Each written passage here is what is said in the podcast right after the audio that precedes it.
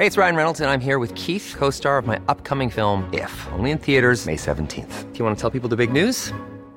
All right, I'll do it. Sign up now and you'll get unlimited for $15 a month in six months of Paramount Plus Essential Plan on us. Mintmobile.com slash switch. Upfront payment of $45 equivalent to $15 per month. Unlimited over 40 gigabytes per month. Face lower speeds. Videos at 480p. Active Mint customers by 531.24 get six months of Paramount Plus Essential Plan. Auto renews after six months. Offer ends May 31st, 2024. Separate Paramount Plus registration required. Terms and conditions apply if rated PG. Hiring for your small business? If you're not looking for professionals on LinkedIn, you're looking in the wrong place. That's like looking for your car keys in a fish tank. LinkedIn helps you hire professionals you can't find anywhere else, even those who aren't actively searching for a new job but might be open to the perfect role. In a given month, over 70% of LinkedIn users don't even visit other leading job sites. So start looking in the right place. With LinkedIn, you can hire professionals like a professional. Post your free job on linkedin.com slash people today. Du lytter til en podcast fra Third Air.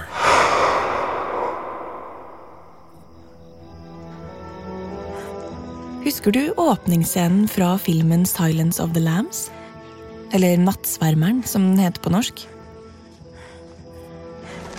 Der Clarice, den unge FBI-rekrutten, løper gjennom en lang og kronglete testløype i skogen. Det er en sånn løype med skrenter man drar seg opp med tau. Røtter og kvister i stien, flere meter høye hindervegger. På et tre er det spikret skilt med ett og ett ord nedover. Hurt, agony, pain. Et siste skilt lyder Love it. Det er en tøff scene. En sånn som gjør at man tenker at hun der, hun har stamina. Både i bena og i hodet. Vinteren 1997 løper to menn den samme løypa. Det vil si den ekte løypa i FBIs hovedkvarter i Quantico. Og været er det samme som i filmen. Kaldt, vått. Landskapet er fylt av lav skodde. De tar seg helt ut, mennene. Hiver etter pusten. Og så ler de litt til hverandre innimellom. Når de har pust nok til det. De er i ferd med å bli venner. De vet det ikke enda, men det er rett og slett en skjebnesvanger relasjon som de nå puster og peser seg inn i.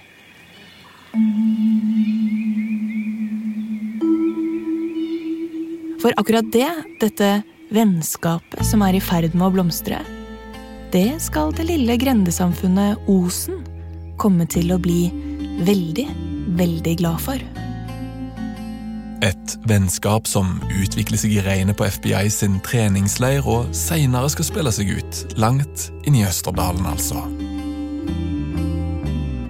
Vi har kommet til andre episode i denne krimaktige ranshistorien av et glemt bygdeportrett. Men før vi går i gang med selve historien, vil jeg gjerne minne deg på at om du liker dokumentarene våre, så må du gjerne tipse andre om oss. Det blir vi takknemlige for. Tips fra venner er den beste måten å spre historier på. Så skal vi til Osen, hvor den lokale lensmannen er på jakt etter hardkokte kriminelle på gjennomreise som ingen andre i Europa har klart å stoppe så langt. Denne episoden heter Tilfeldighetenes spel. Mitt navn er Lars Kristian Øverland, og det er Emilie Skrattegård som forteller. I dette eventyret vårt om skog og elvebygda Osen ligger politiet et steg bak ranerne den første dagen. De er blitt observert noen timer før ranet, men nå er de for alt politiet vet, over alle hauger. Lensmannen, Ravnkleven, har kommet tilbake til kontoret etter å ha gjennomsjekket plassen i skogen der ranerne ble sett. Ingenting. Ingen spor. Dagen gikk jo uten at eh, vi kom noe nærmere. Nå sitter han ved pulten og biter på en blyant, og titter på telefonen over de lett tintede brillene. Tipsene som kommer inn, er mange, men ingen av dem fører til noe. Ikke til noe han kan bruke. Men med ett pustes det liv inn i saken.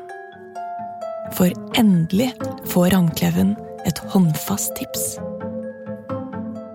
Jo, da fikk jeg melding om at det sto en Ford Granada i et grustak eh, ikke så langt unna Ena. Og reiste dit, og det luktet noe stramt av diesel, så vi regner med at den var forsøkt satt fyr på. Men det ikke lykkes. Det er ikke noen tvil. Bilen under grustaket utenfor Osen sentrum må være ranerne sin.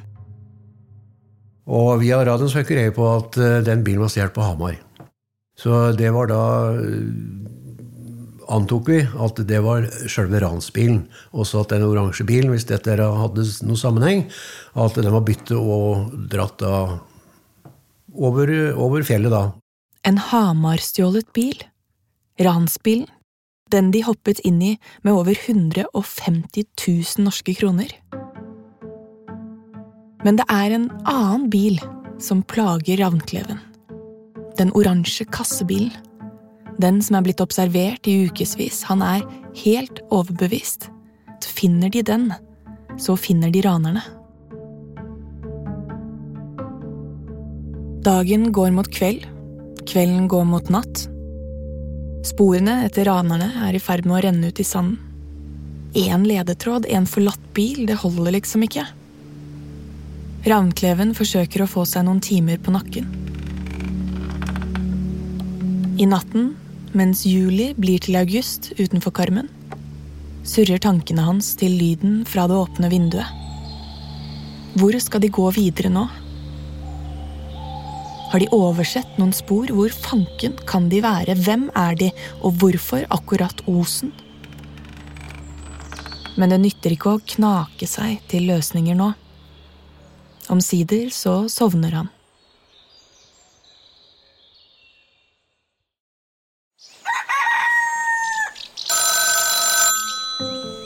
Men den påfølgende dag så fikk vi en telefon fra uh, lensmannen på Røros. På sin vei vekk fra Nordre Osen passerer de ukjente ranerne gjennom politiets sperring på Røros.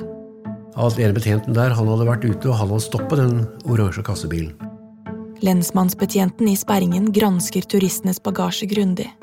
Og blir overbevist om at de snakker sant når de sier at de skal på tur i Rondane. De har til og med turutstyr bak i bilen. Telt og soveposer. Ja, og ingen maskinpistol. Eller pengesekk.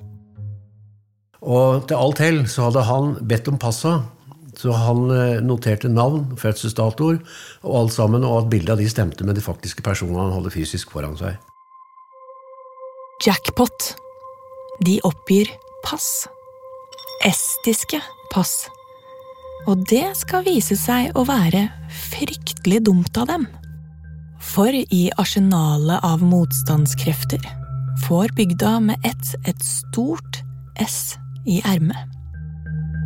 I ettertid har folk snakket om dette som nå oppstår, som underlig, nesten magisk. Det har også sammenheng med at uh, han som var konstituert politimester i Østerdal som det het den gangen, han hadde gått på FBI-akademi, og der hadde han gått sammen med en politiinspektør fra Estland.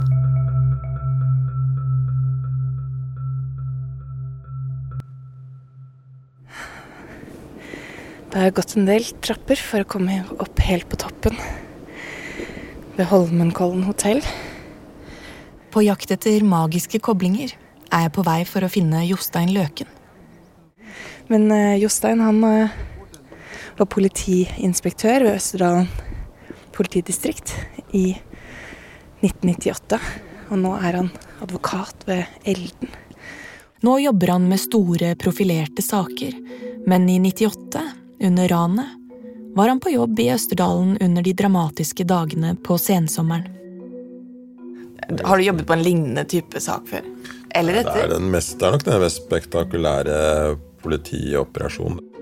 Ja, det er på tide å pakke opp de merkelige koblingene i dette eventyret vårt. Og for å forstå hele bildet, så må vi starte her. Ett år før ranet i Osen er Jostein i Virginia i USA. Nærmere bestemt på FBI-skolen. Det var samme årstid tror jeg hvor hun drev og løp i en løypa, for det var liksom, var ikke løp på trærne og sånn. da, så Det var liksom litt sånn stusslig, litt sånn skummelt som det var i den filmen. da, liksom Litt sånn grått og trær uten løv, og det var litt av det samme. Jostein er en av svært få som blir spurt om å komme over dammen til Quantico. I Norge så er han den femte studenten noensinne. Jeg ble spurt av det norske justisdepartementet om jeg ville være den norske studenten der, da. Så det var en, eh, en ganske utrolig opplevelse, da. Og det var jo eh, Bush nummer én kom på besøk, og Clinton var på besøk der etter hvert. Så det var ganske mye Ja, det var ganske høy status å være der, da. Men det var ikke bare norske politistudenter som fikk æren. På midten av 90-tallet var FBI interessert i å få inn folk fra hele verden. Og i tillegg til Jostein, så var de kanskje spesielt interessert i tidligere sovjetiske offiserer. FBI ville gjerne ha politioffiserer fra Baltikum til FBI for liksom å knytte relasjoner, da, for å få liksom et slags overblikk og drive opplæring av de som tidligere hadde vært en del av Sovjetunionen. da. For de så jo at det var i ferd med å skje veldig mye skumle ting i Baltikum på den tiden. I 1998 har Estland 1,4 millioner innbyggere. Det er så vidt det dobbelte av Østerdalen politidistrikt på dette tidspunktet. Lenge har landet vært kasteball for stormaktenes spill. Det gammelmodige preger byene.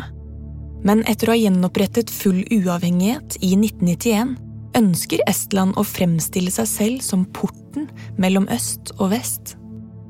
Men økonomien var dårlig og ble dårligere. Og med det fulgte kriminalitet det var ikke noe nytt, akkurat det. Det var mye kriminalitet under sovjettiden også, men på slutten av 80-tallet og begynnelsen av 90-tallet så eksploderte det. Narkotika, gatebarn, prostitusjon. Og mye av det var så å si offentlig. Og en av de som kom fra alt dette, som hadde vokst opp i og blitt offiser i byen Tartu i Estland, det var han som pustet og peset seg gjennom løypene i Quantico sammen med Jostein. De kom spesielt godt overens. De hadde helt forskjellige bakgrunner, selvsagt, men tonen var bare så god. Han hadde jo vært i militæret i Den røde armé, som en helt annen kultur enn meg. da. Det var jo mange som uh, sikkert uh, hadde mistet veldig mye da, i forbindelse med Sovjetunionens undergang. Spesielt da i sikkerhetsapparatet, i GRU og i politiet og ja, i spionasjeorganer og sånt noe. En annen av årsakene til at FBI var spesielt interessert i å få hanket inn baltiske studenter, var altså at hvis de ikke havnet der, så var det kort vei til kriminell blomstring i land som Estland. Og da sto jo mafiaen klar da, til å rekruttere folk. Og det var ganske mange som gikk over på den andre siden og ble kriminelle, da. Tidligere militære. Gjennomstålsatte og kunnskapsrike militære fra sovjettiden. Nå som mafia.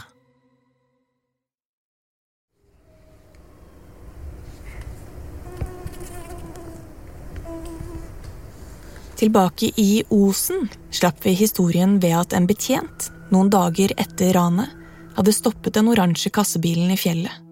Han hadde notert seg at mennene i bilen hadde estiske pass, og så hadde han latt dem kjøre videre. For norsk politi kunne jo ikke vite hvem det var, så de sa de var ute på fjelltur og hadde med sovepose og sånn i, i bilen. Hiring for your small business? If you're not looking for professionals on LinkedIn, you're looking in the wrong place. That's like looking for your car keys in a fish tank. LinkedIn helps you hire professionals you can't find anywhere else, even those who aren't actively searching for a new job but might be open to the perfect role. In a given month, over 70% of LinkedIn users don't even visit other leading job sites. So start looking in the right place. With LinkedIn, you can hire professionals like a professional. Post your free job on linkedin.com slash people today. How would you like to look five years younger? In a clinical study, people that had volume added with Juvederm Voluma XC in the cheeks perceived themselves as looking five years younger at six months after treatment. Look younger, feel like you. Add volume for lift and contour in the cheeks with Juvederm Voluma XC. Reverse signs of aging by adding volume to smooth laugh lines with Juvederm Volure XC. For important safety information and to find a licensed specialist, visit juvederm.com. That's J U V E D E R M.com. Not for people with severe allergic reactions, allergies to lidocaine, or the proteins used in Juvederm. Common side effects include injection site redness, swelling, pain, tenderness, firmness, lumps, bumps, bruising, discoloration, or itching. There's a risk of unintentional injection into a blood vessel, which can cause vision abnormalities, blindness, stroke, temporary scabs, or scarring. Talk to a licensed specialist to find out if it's right for you. Hey, it's Ryan Reynolds, and I'm here with Keith, co star of my upcoming film, If, only in theaters, May 17th. Do you want to tell people the big news?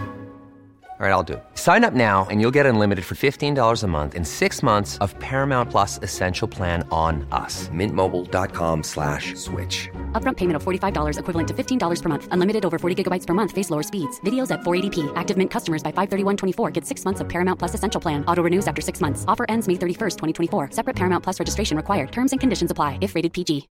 Millions of people have lost weight with personalized plans from Noom, like Evan, who can't stand salads and still lost 50 pounds. Salads, generally, for most people, are the easy button, right? For me, that wasn't an option. I never really was a salad guy. That's just not who I am. But Noom worked for me. Get your personalized plan today at Noom.com. Real Noom user compensated to provide their story. In four weeks, the typical Noom user can expect to lose one to two pounds per week. Individual results may vary. Da. Betjenten som hadde notert seg passinformasjonen, husket godt hvordan de så ut. Den ene hadde blant annet en svært karakteristisk lang og senete hals. Informasjonen ble sendt videre til politiet, og ikke minst til Jostein Løken. Og Jostein, han skjønner med en gang hva han må gjøre. Da jeg hørte om det, så ble jeg veldig interessert i hvem som hadde ført denne kassebilen, da, og undersøkte da straks med han eh, kollega vennen min da i Tarto. Noen minutter senere kommer det svar.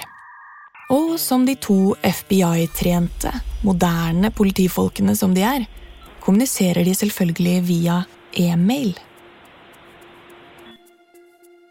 De mottar fargebilder av mennene fra passinformasjonen. De viser bildene til lensmannsbetjenten som stoppet bilen. Jo visst, det er de samme mennene. Og vedlagt ligger informasjon om dem. Og Osen-politiet, de forstår fort at det er langt ifra mors beste gutter de har med å gjøre. I dette tilfeldighetenes spill så er det en hendelse til som må med. Jostein og estlenderen er som kjent blitt venner. Såpass gode venner at sommeren 1998, to uker før vår lille historie begynner, så drar Jostein på besøk til Estland. Og så inviterte jeg ham på besøk til min familie på Ellerum. Og så ville han at vi skulle besøke han òg, og da reiste jeg, da. Og mens du var der, hva, hva gjorde dere? Nei, vi reiste rundt bare, og vi koste oss mest. Men så la jeg spesielt merke til én gate. Det sto Elva, så sa jeg Og det er jo elv på norsk, sa jeg til ham, og vi lo litt om det, da. Altså, to uker før ranet i banken drar politiinspektøren på ferie, og av en eller annen merkelig grunn så stopper han litt opp ved gaten Elva. Jeg husker liksom åssen den så ut fremdeles. da ser det foran meg. Åssen den gata så ut. Og derifra kom disse ranerne som ranet Sparebanken to uker etterpå. Der hvor jeg hadde ansvar, da. Så det er ganske utrolig. Quantico, Virginia. Tartu, Estland. Osen, Østerdalen. Hva het disse ranerne? Ja, Nå skal jeg være forsiktig med å henge ut noen, men jeg, jeg syns jo det er litt spektakulært også. At navnet på den ene er, eh, var Kupp. Han heter Kupp. Nok en gang tilfeldighetens spill, da. Ja, det var også en del av historien, da, at en av ranerne heter Kupp. Jeg syns det var eh, også ganske spesielt. Kupp, som de ut fra rullebladet ganske raskt forstår at må stå i spissen for den lille gruppen, er 32 år gammel. Han har ti års fengsel for volds- og vinningsforbrytelser på rullebladet. Den andre heter Ensalu, nokså vanlig. Men den tredje heter Pille. Og pille. Jeg finner det faktisk ikke på. Men selv om navnene muligens er litt komiske, så er ryktet deres jammen ikke det. Og det var jo ganske ressurssterke folk som vi jo fryktet mye i Skandinavia. At det skulle strømme innover eh, grensene til Skandinavia. For vi så at det skjedde veldig mye kriminalitet i Baltikum. da. Det var fryktelig mange drap i Baltikum på slutten av 90-tallet. Eksplosjoner og Det er altså ikke småkriminelle de har med å gjøre her. Det er ikke turister som kjører for fort, eller noen som slo noen andre i trynet på en bygdefest. Dette er folk som har valgt dette som en livsvei, en levestil. Men er det mafia? Det vet du ikke helt. For disse østeuropeiske mafiagruppene var ofte sånne små celler. da. Det var noe helt annet enn den italienske mafiaen, som liksom ja, var mer en sånn stor organisasjon. Her var det små celler, da. Som gjerne var ressurssterke, som uh, hadde en fortid i sikkerhetsapparatet i Sovjetunionen eller i Forsvaret. da. Hva, ved, hva, hva var det ved Norge, tror du, som var litt sånn forlokkende for noen av dem? Uh, jo, for de var jo fattige. Samfunnet hadde gått i oppløsning, og mange hadde vel behov for uh, materielle ting da, og mer penger. Mange forstår altså at det å se til den rike Vesten, det er kanskje ikke så dumt. Så, og så er jo disse landene var jo små, så jeg vil tippe at det var ganske lett oppdagelige der. da. Mens her i Skandinavia så visste vi jo ikke helt hva de het og hvem det var, og sånn, så de var jo ganske usynlige. Så det var lett liksom å operere under en annen identitet. Men det de ikke visste, var jo at eh, jeg jo hadde så veldig god kontakt med politiet i Tarto. Usynligheten de satset på, var ikke-eksisterende takket være det skjebnesvangre vennskapet. Men at kupp og pille så hitover, ja, det kan man kanskje forstå. Når ryktene går om at du får mer dagpenger i fengsel i Norge enn ved å være i Estland og jobbe i gaten du vokste opp i, ja, da ble det kanskje mer forlokkende å heller dra opp hit, til det bitte lille elvestrøket i Osen og Ranebanken, enn å ta sjansen på gata Elva i hjembyen i Tartu. Først så føler du liksom at det er spennende. liksom Det har vært bankran, liksom, og du har sett kara og liksom funnet ut at de var oppi her og sånn. Dette er Bente. Hun som så ranerne oppe i skogstrøket bare timer før ranet.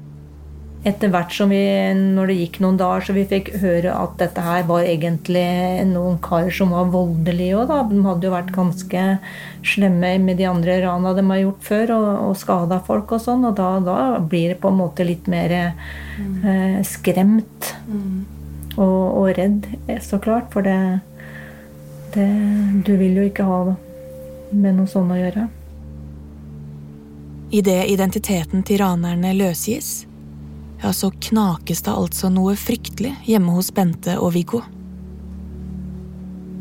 Det, det jeg syns var mest gøyalt med det, det var at du, du løp jo da forbi. Det var jo rett før de reiste og gjorde ranet. Og du kunne jo ha løpt forbi der ja, kvarter, 20 minutter. Da hadde du møtt dem. Og da hadde det vært kanskje en mye mer farlig situasjon.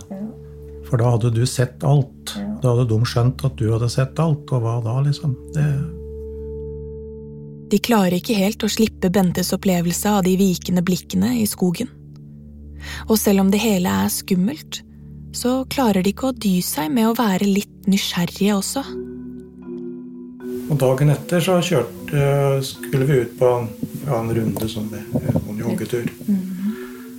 Da ja, vi kom oppå der, så klart du, du titter jo litt rundt deg og sånn, og så så viste, jeg ja. ja, viste deg hvor jeg hadde sett han som sto i skogen, da. I lyngen der. Og da gikk en Viggo litt utpå der og kjente diesellukta, da. Diesellukt.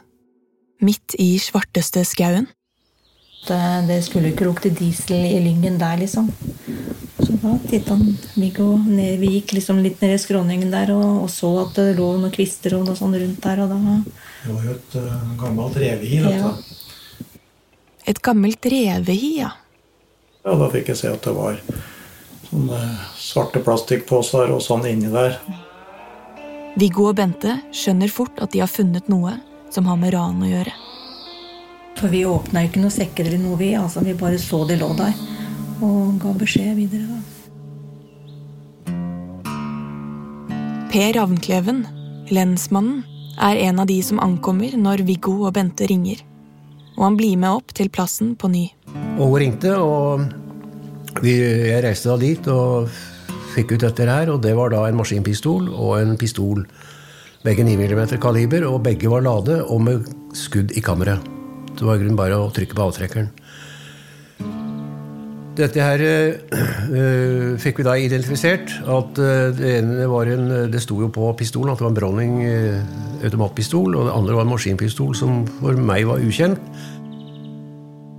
Heldigvis er det ikke lange veien for gode råd her oppe i Osen. Ikke når det kommer til info om gønnere, i alle fall.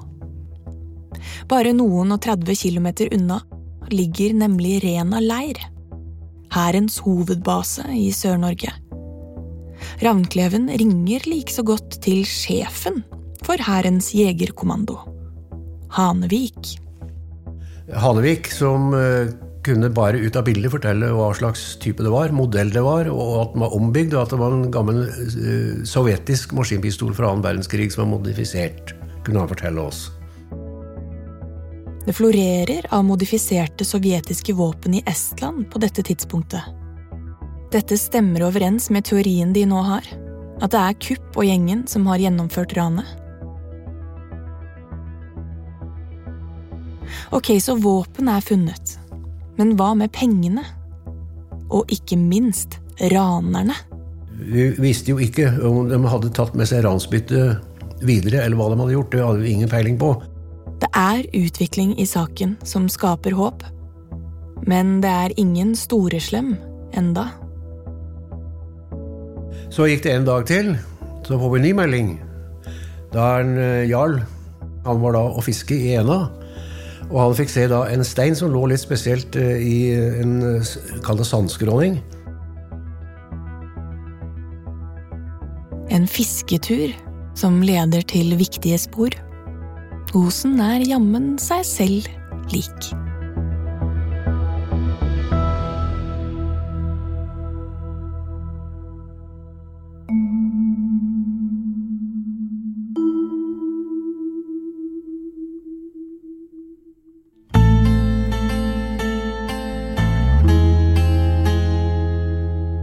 Hvilke finurlige etterforskningsmetoder lensmannen i Osen bruker for å fakke bankranerne, får du høre mer om i neste episode. De var ute og plukka bær, og så plutselig står det en politimann med maskinpistol og hjelm bak et tre liksom, midt inne i ødemarka der. Nei, det var, det var, veldig spesielt å sitte der med og, og vite hva som egentlig skjedde oppi her. Og så det var ingen andre som visste det. Da gikk hjertet ganske fort. For jeg følte at noen sto og så på meg på andre sida av elva. Du har lytta til en mørk historie fra Third Air. Om du vil lytte uten reklame og ha alle episodene med en gang med slipper nye serier, så kan du abonnere på oss. Enten ved å trykke på 'abonner' i Apple sin podkastspiller, eller via lenka i beskrivelsen til denne episoden. Denne glemte historien fra ei bygd i Østerdalen er tatt opp, skrevet og fortalt av Emilie Skattegård. Lyddesignet du har lytta til, er gjort av Rasmus Spitz, og serien er miksa av Anne Obel. Eksekutiv produsent på Third Air er David Mehr, og ansvarlig utgiver er Martin Jonsson. Mitt navn er Lars Kristian Øverland. Snakkes snart.